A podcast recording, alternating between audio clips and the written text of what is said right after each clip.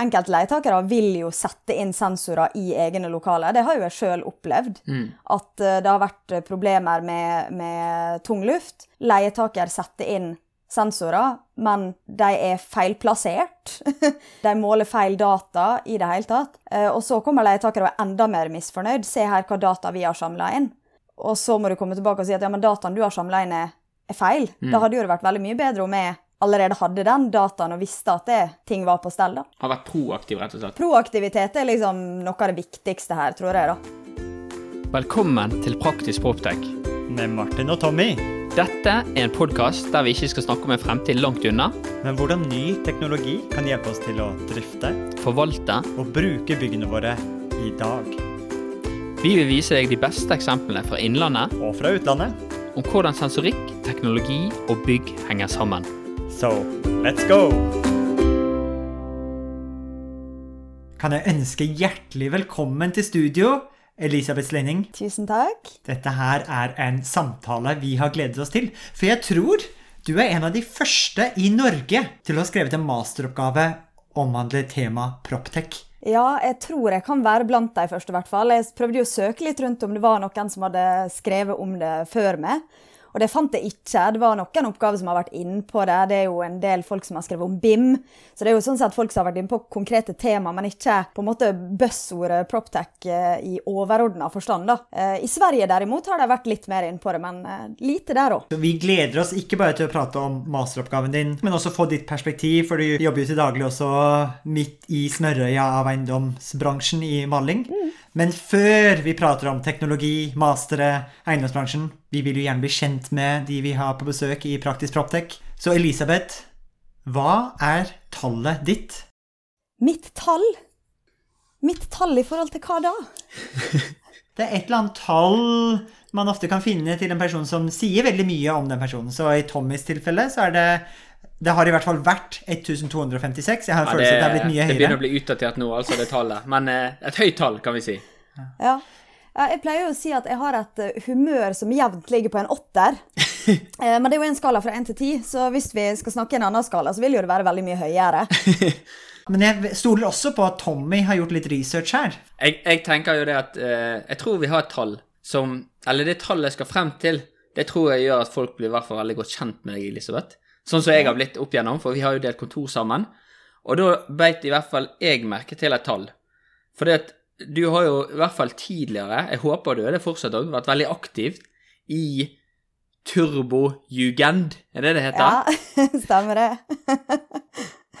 Dette er jo fanklubben til bandet Turboneger, stemmer ikke det? Ja. Det er riktig. Du har jo òg vært president. Ja. I eh, Turbojeger'n Ålesund. Er, er du det fortsatt? Nei, jeg er ikke det. Jeg ga videre stafettpinnen eh, når jeg flytta fra Ålesund for en tolv års tid siden. Ok. Men hvor mange konserter har du vært på opp gjennom ditt liv? Uh, konserter totalt sett, eller Nei, med Turboneger? konserter med, konserter med Turboneger. Uh, der, jeg var litt usikker, eh, for, for dette er ikke så lenge siden jeg ble spurt om, men jeg tror det er 32. 32. Ja. det, det er medtatt alle festivaler. Jeg hadde annet en sommer der jeg fulgte dem på turné. Vi var en gjeng som, uh, som satt oss i en sånn gammel kassebil og kjørte etter dem rundt omkring for å dra på konsert. Det var sommeren jeg fylte 18. Nå ble vi litt kjent med deg, Elisabeth, før vi skal egentlig nerde litt ned på proptech og eiendom og teknologi. Så skjønner vi òg at du er en ganske jovial ålesunder som er glad i musikk. Ja, det er helt, helt riktig. Men i, i dag, noen år etterpå, så jobber du i hvert fall i, i Maling og Co. Du er eiendomssjef, Det stemmer. og du har jo skrevet en, en veldig interessant master innenfor proptech. Eller leietakere og proptech. Hvis, hvis vi kan starte litt der med at hva er det hva er det du egentlig ville finne ut av? Hvordan gikk reisen din til å lære deg om Eller hvorfor ville du skrive en master om proptech? Jeg har jo alltid vært, eller siden jeg begynte å jobbe i eiendom for noen år siden, så har jeg vært veldig interessert i, eh, i teknologi. Eh, og fra før der så var jeg veldig interessert i dette her med, med tilfredshet, for jeg kommer jo fra flere år i, i hotellbransjen, og har jo vært veldig opptatt av dette med kundeservice og hvordan man kan tilrettelegge for at folk trives, har det bra, er fornøyde. Og jeg syns jo den kombinasjonen av de to er veldig eh, spennende, og jeg så kanskje noen omriss eh, av dette her at ja, men ok, hvis vi kan forenkle denne prosessen her, hva frigir vi tid til da? Frigir vi tid som kan gi en merverdi? Eh, gjør vi ting som eh, leietaker responderer positivt på? Eh, og bare sånne her småting som jeg, jeg så tendenser til. Men jeg tenkte liksom Det er veldig rart at man ikke har tenkt mer på det. Eh, for man har tenkt eh, mye på, på det økonomiske. Det er jo liksom det første. Er dette liksom noe vi kan få eh, god ROI på? Og så har man tenkt en del på miljø. Er dette noe vi kan liksom flagge ut som at vi gjør dette fordi det er et miljøtiltak? Men så kommer dette med leietakeren. Er det noe vi kan gjøre på eh, Proptech-sida der som kan påvirke direkte, da?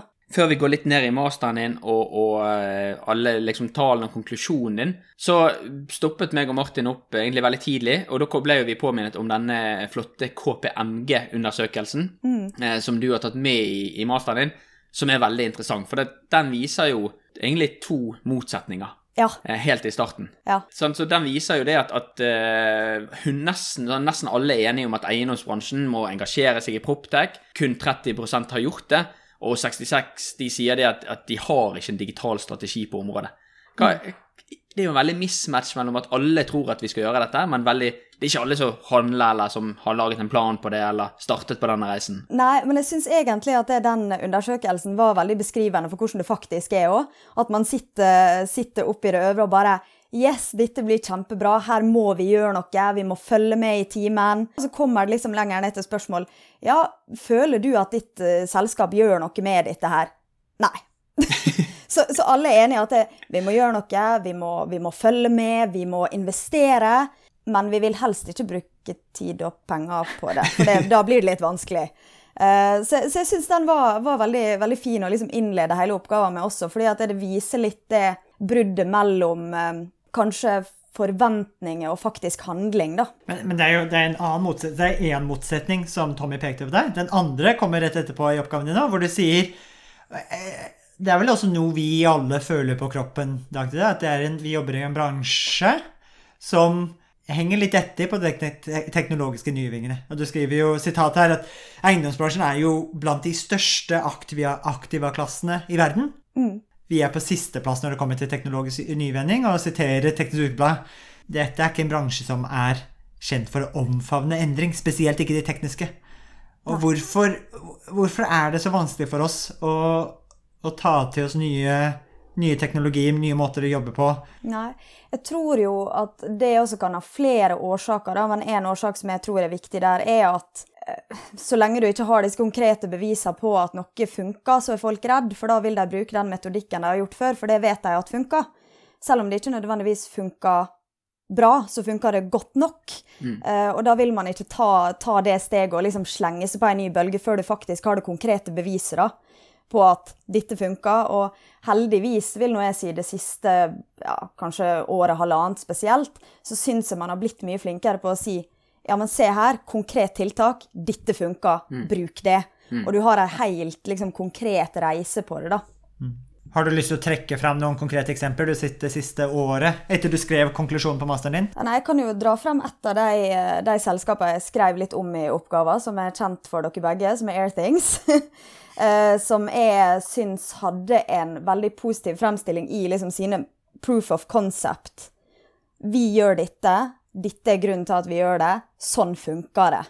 Eh, altså at man tar den konkrete reisa og får det ut da til eh, andre interessenter og sier det, ja, men se her, dette har fungert godt. Eh, og det ser jeg også mer av, sånn som Unlock, som jeg syns er et kjempespennende selskap. De, de hadde ikke noe konkret eh, proof of concept den gang jeg skrev denne oppgaven, men vi snakker jo her om et univers der ting skjer veldig fort. Eh, mens nå har jeg liksom plukka opp litt sant, via LinkedIn, eh, andre medium, at de også har begynt å skrive om dette prosjektet har vi gjort, det funker sånn.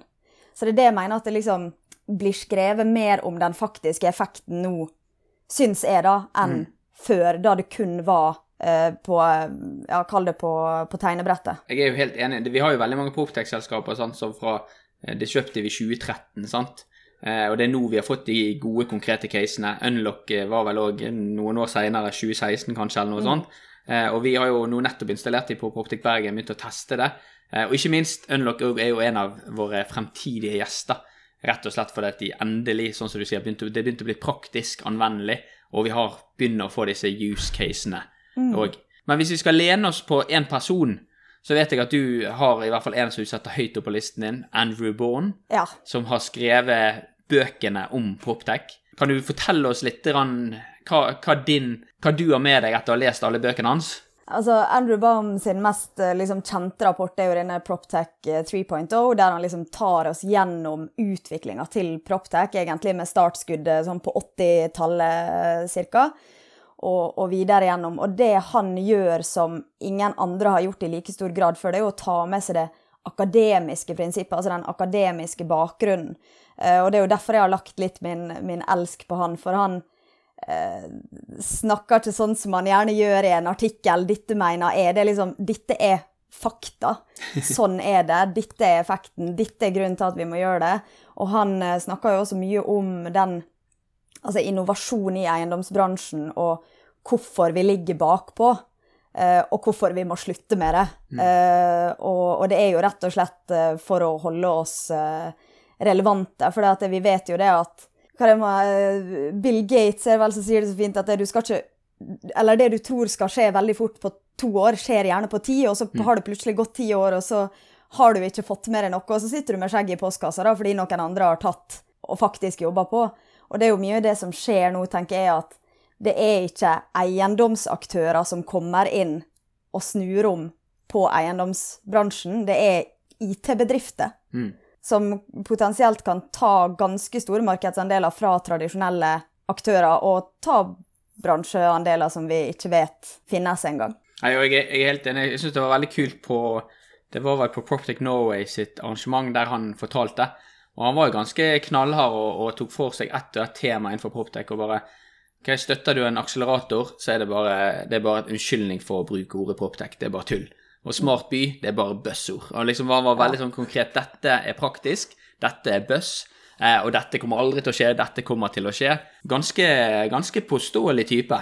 Eh, Ja, virkelig. Og man kan jo av og til bli litt sånn frustrert over hvor påståelig han faktisk er, for det er jo der igjen, han lener jo seg veldig mot akademia. Eh, Så kan man kanskje argumentere for at han skulle vært en litt mer, eh, kall det kreativ og åpen type, men akademikere skal jo ikke være det. sånn Og dette er vel også en øvre klasse akademiker. Sitter ikke han på et av disse eliteuniversitetene i utlandet og synser? Oxford. Universitetet i Oxford, ja. Såpass, ja. Så han er, men han er, også er vel han òg nesten doktor PropTech, så han har vel Når han sier noe, så er jo det på en måte med masse research og masse underlag i det han sier. Og det er jo en del av disse andre bøkene som er gitt ut om uh, PropTech. Der merker man nesten at de som har skrevet det, har en agenda. Altså, De jobber gjerne innenfor et felt som de vil uh, snakke opp uten at det har noen uh, konkrete akademiske kilder. da. Og det mener jeg, sånn, Et konkret eksempel da, på dette med å bruke akademia på en god måte.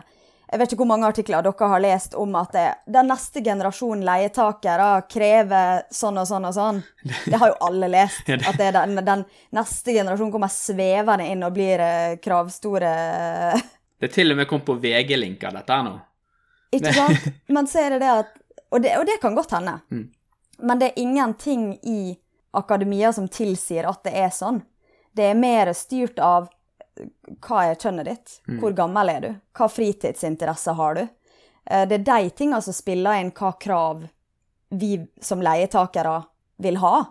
Og så kan man selvfølgelig se en generell forskjell fra liksom årskull til årskull, og uh, hvor eh, komfortabel man er med å bruke digitale løsninger på alle mulige måter. Men in the end så er ikke det sånn at man skal nærmest sitte og vente på denne nye generasjonen. Man skal sørge for å dra med seg alle. Det er vanskelig at det bare blir en arbeidsstokk bare av 19-åringer. Det vil jo gjerne være fra, fra 19 til 60 år i en bedrift ofte òg. Ja, og nå blir vi bare eldre og eldre, da, så vi eh, må vel sitte i jobb til vi er 80. Men det er i hvert fall ambisjonen til meg og Martin i Praktisk Proptech at vi sitter her òg når vi er 80 år og eh, sånn utdaterte dinosaurer. ja. Men, men etter, etter vi har spilt inn, Elisabeth, så må du hjelpe oss i hvert fall med at vi får delt alle disse alle, Alt som vi kan dele eh, om akademia i om Proptech. Det legger vi i shownotes, altså vi ligger åpent. Jeg mener eh, Proptech 3.0 med Andrew Bone den er vel åpen ute nå, og vi har mange linker. Og her er det i hvert fall Det kommer til å være sikkert flere tusen sider man kan lese seg opp på dette her hvis man Ja. ønsker. Hva med det foredraget han ga i Norge på Proptech Innovation? Der ligger det åpent tilgjengelig? Det tror jeg òg ligger åpent tilgjengelig. Vi får, vi, skal, vi, får, vi får ta en telefon til Henrik òg og få delt det. Eh, Det var jo kjempebra. Det var en veldig god oppsummering. De som, sånn som meg som liker å ikke lese 1000 sider, men lese de ti sidene som oppsummerer alt, så hadde han gjort en veldig bra oppsummering i den presentasjonen sin. Hvis vi skal gå litt inn på, på, på masteren din Jeg syns det var en, en veldig kul konklusjon inni der, eller en veldig kul sånn setning som du har. Det er jo det at, at du har fokus på at du må løse et problem eller utfordringene for brukeren i bygget. Eh, og jeg syns det ene sitatet der, det var så bra, og det bekrefter litt det eh, i de intervjuene vi har hatt med Endre Johannessen og Kristine Kars, og er veldig opptatt av at vi må løse problemer. For der sier du at noe av utfordringen til innovasjonsprosjekter, og hvorfor de ikke lykkes, kan være at det innoveres på bakgrunn av et problem som ikke er viktig nok for brukeren.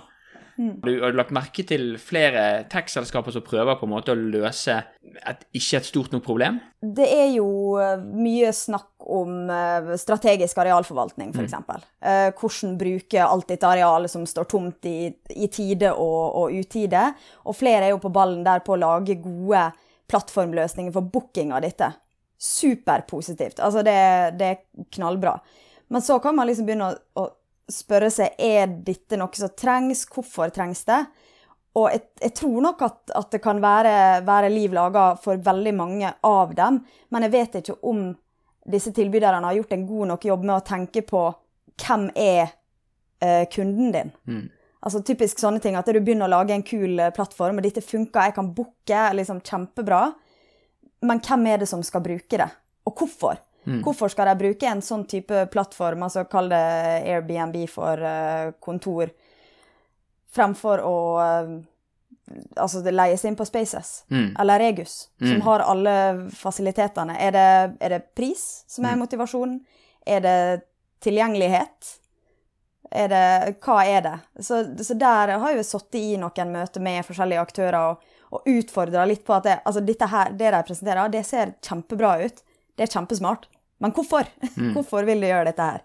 Uh, og det er jo samme med uh, en del av disse her um, on demand-sensorene, hvis du kan kalle det det, at du skal klikke på en knapp, og så skal det gå en beskjed. Dritkult. Kjempesmart.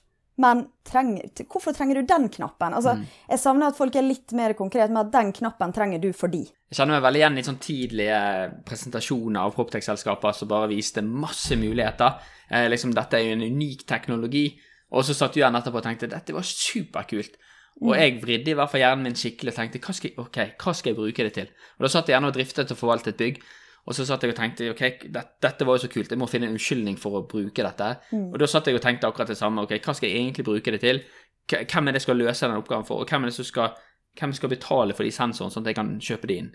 Og det òg var jo veldig utfordrende å få til det regnestykket der, i starten, særlig sånn 2016-2017-årene. Men, men der tror jeg jo også at det ved å involvere folk som har snart sagt kan eiendom tidlig, da, og få den dialogen, så vil man komme veldig langt. fordi at jeg tror mye av utfordringa nå er at mange sitter og altså, utvikler for langt før de ber om innspill. Og da er jo sånn som Proptech-labber og sånne ting er jo da kjempebra, for da kan man liksom få stressteste konseptet sitt litt. Du, du hadde vært en fantastisk produktutvikler eller produktsjef, Elisabeth. Det er jo akkurat det som ligger til grunn. Kanskje det skal bli når jeg blir voksen. Det, at man har brukeren i sentrum, sluttbrukeren, dem som skal bruke teknologien, og lager en, eh, en løsning som faktisk løser et problem. Det er derfor det heter en løsning. At det skal jo Ja. løse et problem, og man legger det til grunn. Men, men så har du også in interessante ting som som sånn Tommy, Tommy nevner her, at du får en sensor og blir litt gira og bare Hva kan jeg bruke det her til? Og det tror jeg også er en veldig positiv greie, at du har folk som er villige til å teste ut. For at plutselig så finner du ut at aha, men dette kan jo brukes til dette. Eh, men det er jo der jeg mener at det å få inn uh, folk som kan uh, litt eiendom eller sånn fra før av, at det kanskje vil bedre prosessen, da. Jeg, jeg hadde faktisk en, jeg hadde faktisk en, en gårdeier som jeg jobba litt sammen med, som kom med en utfordring på akkurat der knappen var løsningen. Og dette tok jo meg, Det tok jo meg fem år før jeg fikk riktig utfordring, og, og, og hadde lekt fem år med disse sensorene før jeg på en måte skjønte det. Og da var det rett og slett en gårdeier som tok og retrofittet en del bygg til å få de Bream, eh, en Bream-karakter. da. Det er jo en stand, Bream er jo en standard for å få de gjerne energieffektive, og det handler om nærhet til miljø og litt diverse. Og det er mange ting du kan gjøre for å få poeng. Men Ja, en av de poengene Det var vel Bream in use, det, da. det er Bream in use, Ja. helt riktig.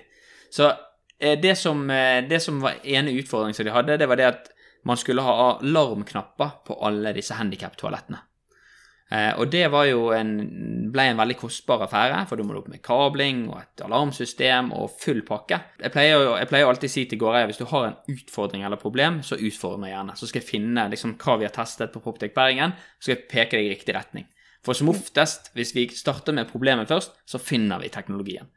Og da var jo det egentlig det som var løsningen her, var jo så enkelt som disse disruptive-knappene du trykker på, og det går en SMS-alarm direkte til alarmtelefonen, eh, som igjen ringer eller gjør en eller annen handling. En lett automasjon, da. Og da var det plutselig erstattet noe som gjerne kostet med elektriker og automatikk og alt sammen, kanskje mange mange hundre tusen, eller i hvert fall mange mange titusenlapper, så erstattet du det med noe som kostet bare noen titusenlapper. Så, så da, da begynner vi å bli praktisk tilnærming, men der gjorde jo vi det viktig at ikke vi Det var jo ikke det at noen kom med en knapp og sa når du trykker på den her, så går det en SMS, og så tenker du det er jo kjempekult, men hva skal jeg bruke det til? Men her så var det istedenfor vi trenger en alarm, vi trenger at noen trykker på det, og så trenger vi at noe skal skje. Ok, men da, da kan vi begynne å leite opp i registeret og finne ut hva teknologi kan vi bruke her. Ja, ikke sant? Og det er jo det er jo det, det handler om. Finn problemet først, og deretter eh, løsninga. Vi har i hvert fall prøvd og definert litt hva gjør drift. Vi har prøvd å definere hva gjør gårdeier. Og det vi håpte du skulle hjelpe oss å klarere, det var jo kanskje noe som folk tar litt for gitt, men hvem er egentlig en leietaker? Og hva er en leietaker? Ja. Det er et eh, interessant eh, spørsmål. Um, det, det, er jo, det er jo alle brukerne i, eh, i bygget som sitter hos disse forskjellige selskapene og hva det måtte være. Men det som er litt interessant med altså, den leietakerkontakten man eksempelvis har som eiendomssjef, som driftssjef, som gårdeier, det er jo gjerne én eller to personer i ei gitt bedrift som har fått et mandat til å uttale seg på vegne av bedrifter de jobber for. Så nesten så elevrådutvalget, da. Du er en Ja. representant for klasserommet. Rett og slett. Og, og det, da er det veldig merkbart plutselig hva som er kan være interesser til nettopp den personen. Jeg har jo leietakere for eksempel, som er veldig opptatt av eh, trimrom, Mm. Og at trimrom skal være velutstyrt. Fordi vedkommende som er kontaktperson hos leietaker, er veldig sporty. Dette er jo litt interessant, for det, når, det, vi har, for det vi har lyst til å lære om i dag, det som jeg og Martin har lyst til å lære om i dag, er jo f.eks. leietakertilfredshet. Vi må nesten begynne med det for å finne ut om Proptech kan løse dette problemet. Eh, men vil det òg si at det er disse to personene som alene sier at dette, dette trives jeg med, og dette trives jeg ikke med, eller er de, de flinke å gå rundt og spørre alle i klasserommet om, om de er fornøyd, og hva de liker?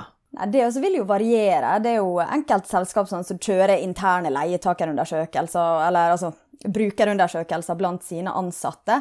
Men det er jo noen som ikke gjør det. Eh, og du kan jo også se på dette med altså leietakerundersøkelser. Hvem er det som svarer på dem? I noen tilfeller så er det kontaktperson AB, kanskje C. I noen tilfeller så går man bredere ut og sender til alle i bedriften. Hvor høy eh, svarprosent har man da?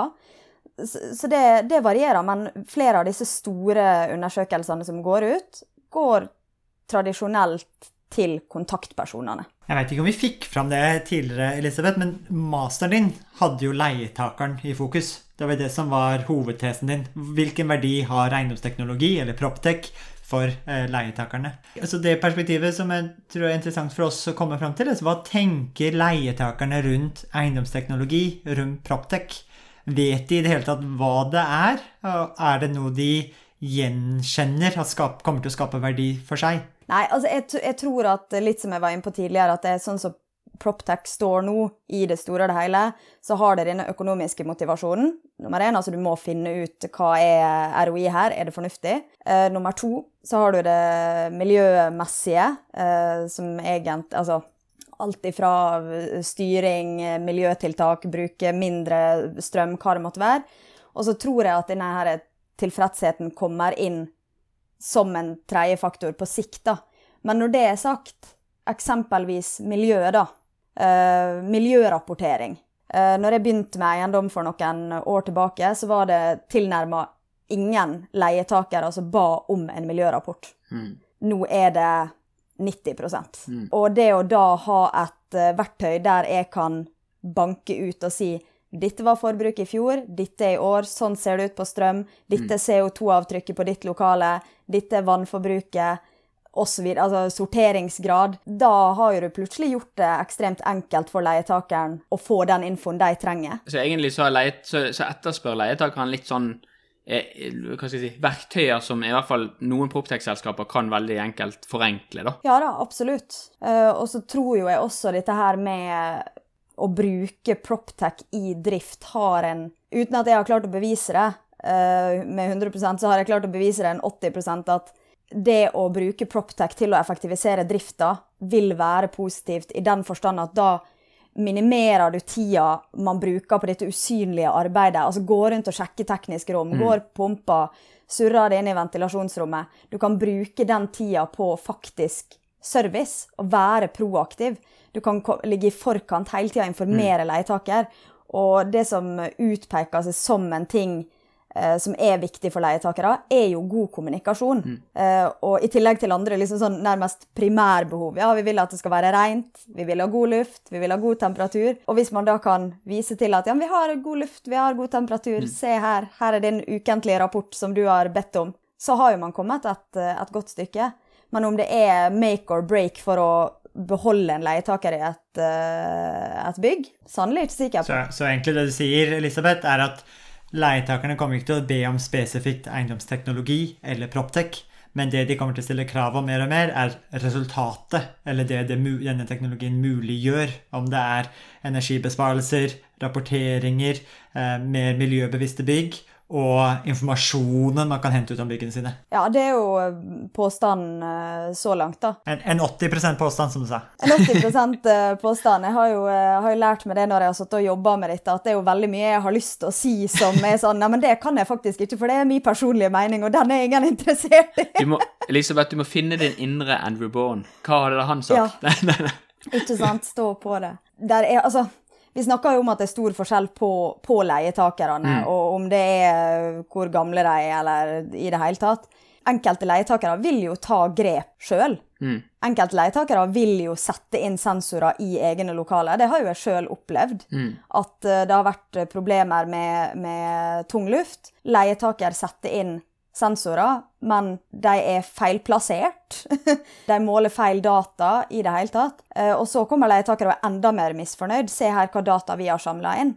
Og så må du komme tilbake og si at ja, men dataen du har samla inn, er, er feil. Mm. Da hadde jo det vært veldig mye bedre om jeg allerede hadde den dataen og visste at det, ting var på stell. da. Har vært proaktiv, rett og slett. Proaktivitet er liksom noe av det viktigste her, tror jeg. da. Men hvis vi, hvis vi, spoler litt tilbake, og så snakker vi om tilfredse leietakere, hva er det vi egentlig måler i en, eh, i en leietakerundersøkelse? Det varierer ut ifra de forskjellige leverandørene, selvfølgelig. Mm. Og man kan jo også som gårdeier på en måte fokusere på hva syns vi er, er viktig.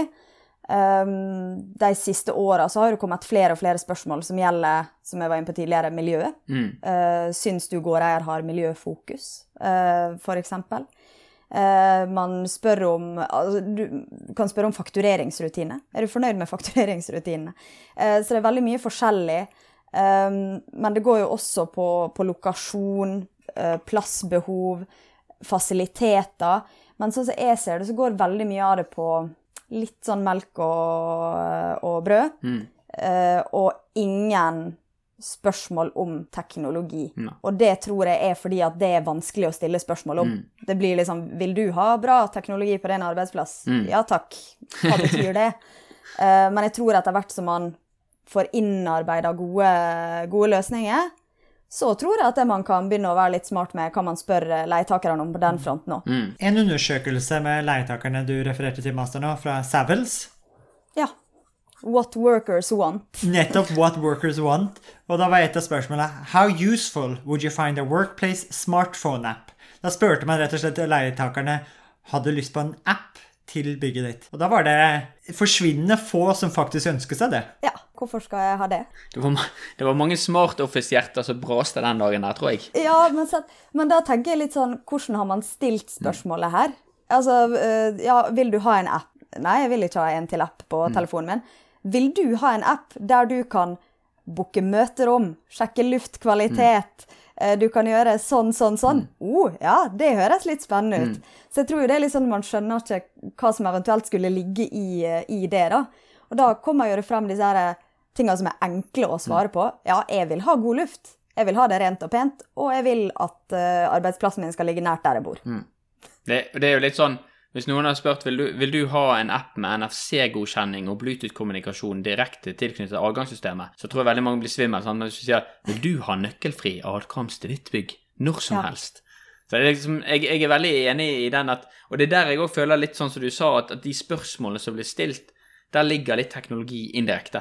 Og jeg husker jo òg at jeg husker jo òg når, jeg- når jeg forvaltet et bygg. Da var vi jo på samme bygg, Elisabeth.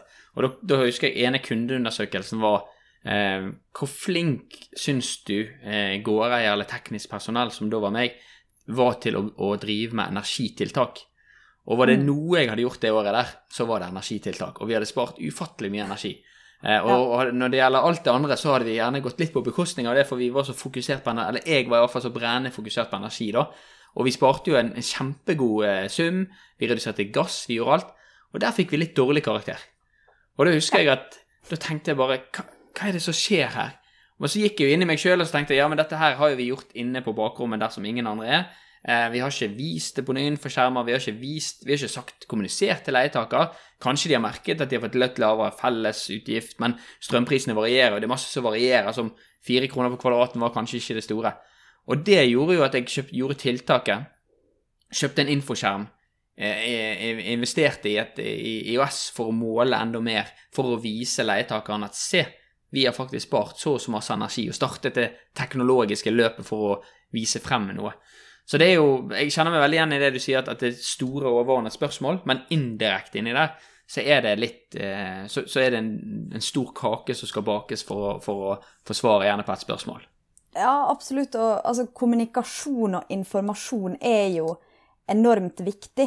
Eh, og da er jo vi tilbake til liksom, hvem, skal, hvem skal informasjonen ut til? Hvordan kan man gjøre det tilgjengelig for, for flere? Og jeg har jo tenkt mye på det nå når altså, bærekraft på en måte bare blir viktigere, viktigere, viktigere. Har denne her, altså Jeg, jeg undervurderte kanskje litt for noen år tilbake at man skulle ha en skjerm som viste forbruk, faktisk. sant? Jeg tenkte liksom, nei, hvor mange er det som egentlig bryr seg om det?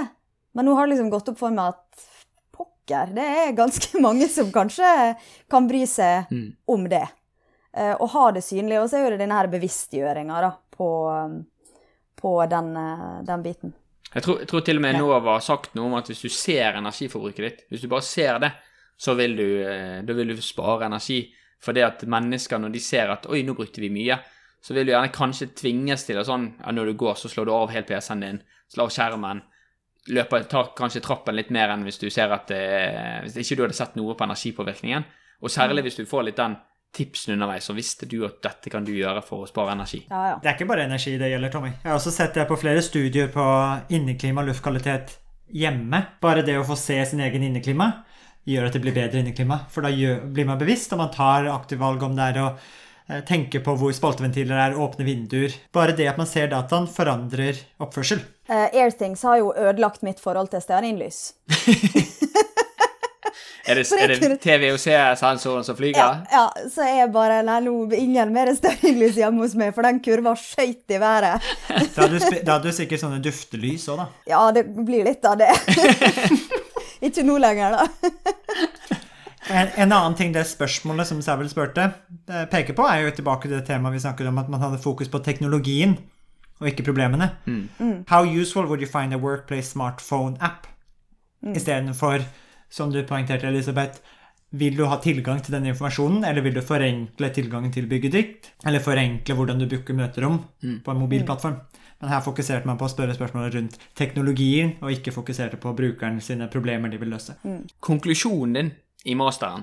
Sånn som jeg leser det, så er det ikke det en 100 konklusjon. Han er litt eh, tvetydig, men at du har kommet frem til at Proptech det er i hvert fall, det ser ut til at det er kommet for å bli. Eh, man har startet sett at det er et viktig verktøy for drift av bygg. Der ser man en verdi for det. Eh, men det er kanskje vanskelig å se om det har en direkte påvirkning for leietakeren. Ja, det er altså, eller en, en direkte beviselig effekt, da.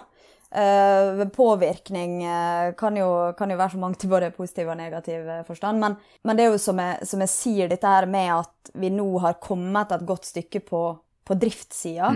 Vi har begynt å bruke Proptech smart. Vi har begynt å knekke koder. Hvor kan vi spare tid? Og det er når vi begynner å spare den tida, og vi kanskje får ned felleskostnadene, mm.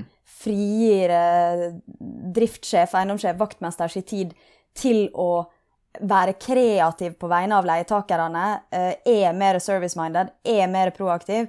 Jeg tror det liksom er der man kan knekke en del koder ganske umiddelbart.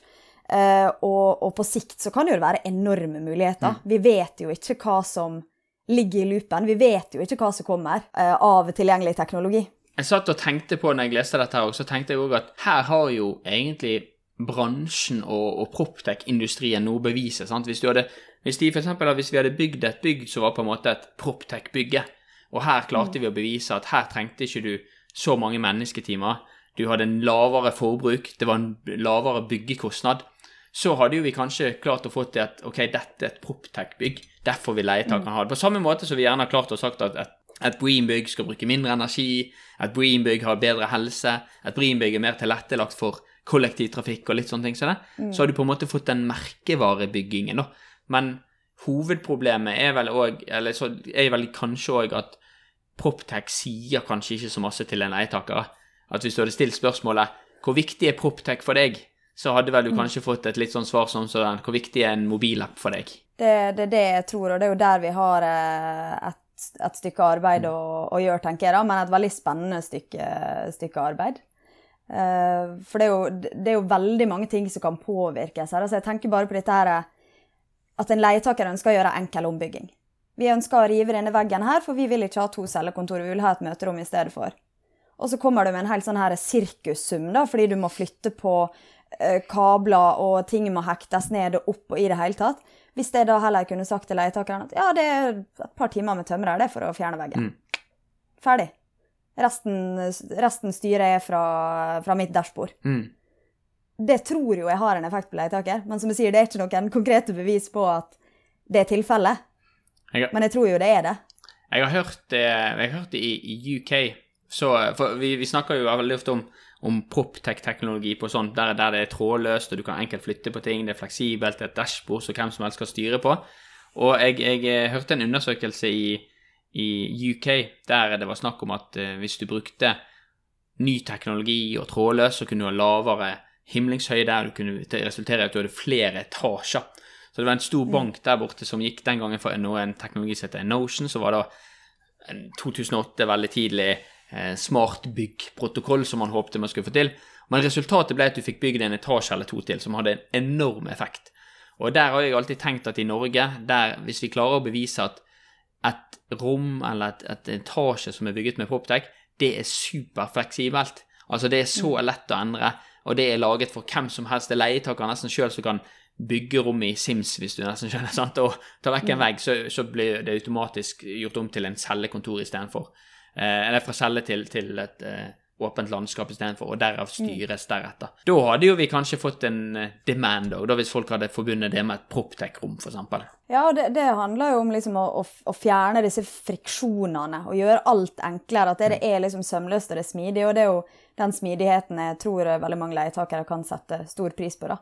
Men så må ikke man glemme at liksom, hva er leietakeren opptatt av? Altså, ja, vi vet at det er det god luft og godt lys i det hele tatt, men indiens er jo bare opptatt av å levere i den bransjen de jobber mm. med, og være effektive med sitt. Og så skal liksom alt bare funke. Ja, blir det noen videre studier? Har du noen planer om å fordype deg mer i akademia?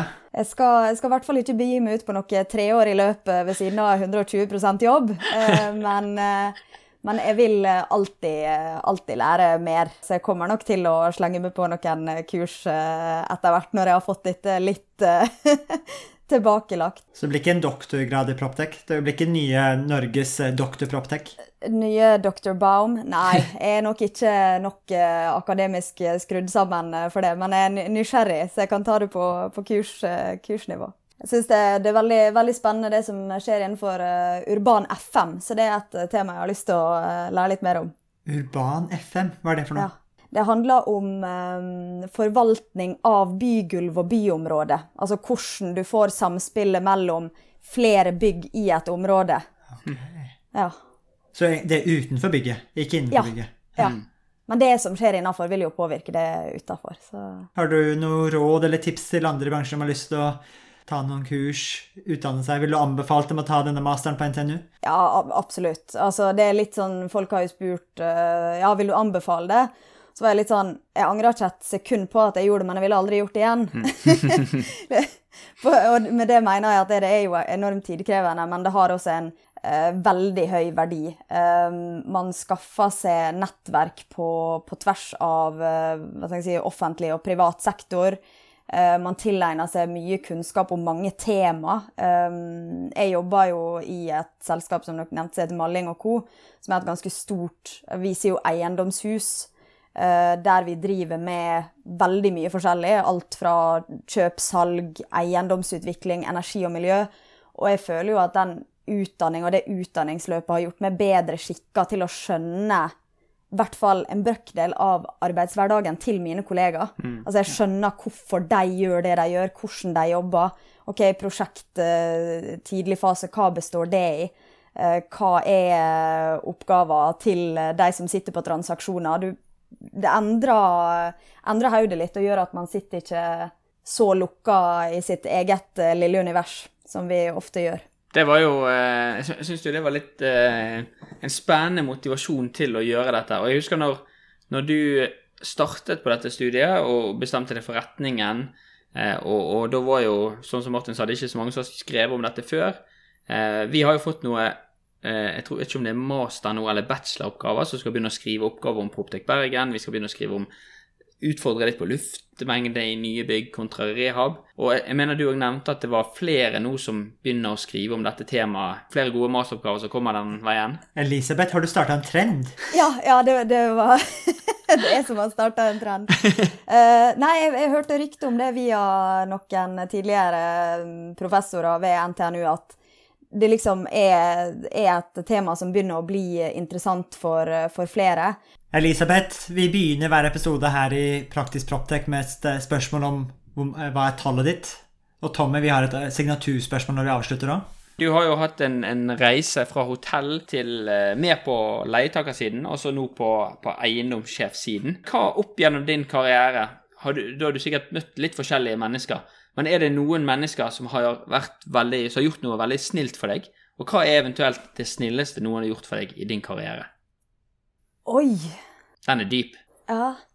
ja der spør du godt. Men om det er det snille Men jeg har, én ting som jeg, jeg mener utpeker seg, som jeg har i flere år jobba for uh, samme oppdragsgiver, uh, men i forskjellige roller den, hos den oppdragsgiveren så har det vært en person som har vært utrolig god på å inkludere meg, involvere meg egentlig liksom prosjektmøte der jeg ikke helt hører til. Eh, men vedkommende har da sagt at det, Nei, men Elisabeth må være med fordi hun er så interessert. Hun har lyst til å lære. Eh, og det har jeg liksom spesielt i ettertid satt enormt stor pris på at en person som har lang fartstid i bransjen, har invitert meg med, da. Har tatt med meg. Eh, så det er jo ikke én konkret hendelse, men, men overordna.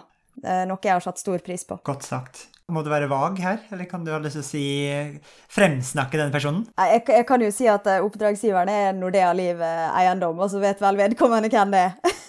og med det, Elisabeth, er vi på veis ende. Tusen takk for at du ble med oss her i vårt digitale studio som er Praktisk Proptech. Takk skal dere ha. Veldig hyggelig.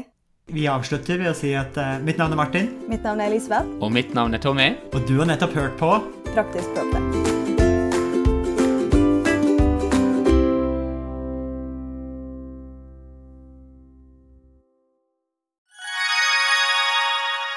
Da dere er 2024 i gang, og et av høydepunktene på starten av året er jo sett sammen et årshjul, og det har vi også gjort, Tommy. Ja, Akkurat nå sitter jeg og ringer rundt 25. og 26. april, for da skal vi på FTV-kongressen. Og det blir litt ekstra spesielt i år, Martin. Det var jo veldig spesielt i fjor òg, for jeg husker det vakre øyeblikket når eh, du og Magnus fra FTV-kongressen eh, preiket sammen og egentlig unnfanget og satt sammen en god idé. Og det var jo invitasjonen til eh, Proptech-dugnaden, som også blir et høydepunkt i år, ikke sant, Magnus, på FTV-kongressen 2024? Jo, det stemmer det. Vi setter godt med plass eh, i år til, eh, til dugnaden. En god og sprø idé for å sette praktisk Proptech ut faktisk i livet og vise hva vi får til, ikke bare fortelle. Det var jo, det var jo veldig gøy, for jeg husker da jeg skulle pitche dette til deg, så tror jeg du avbrøt meg og bare sa 'vi er med'. Og når vi var på dugnaden, så sa du òg at Tommy, dette her må vi ta med oss tilbake på FTV-kongressen. Vi må jo praktisk få dette vekk fra Powerpoint og vise praktisk hvordan vi har gjort det. Og det syns jeg blir litt spesielt i år, at det blir jo for meg en liten reunion av det som skjedde der ute. Men, men eh, FTV-kongressen er vel mye mer enn en, bare en reunion òg.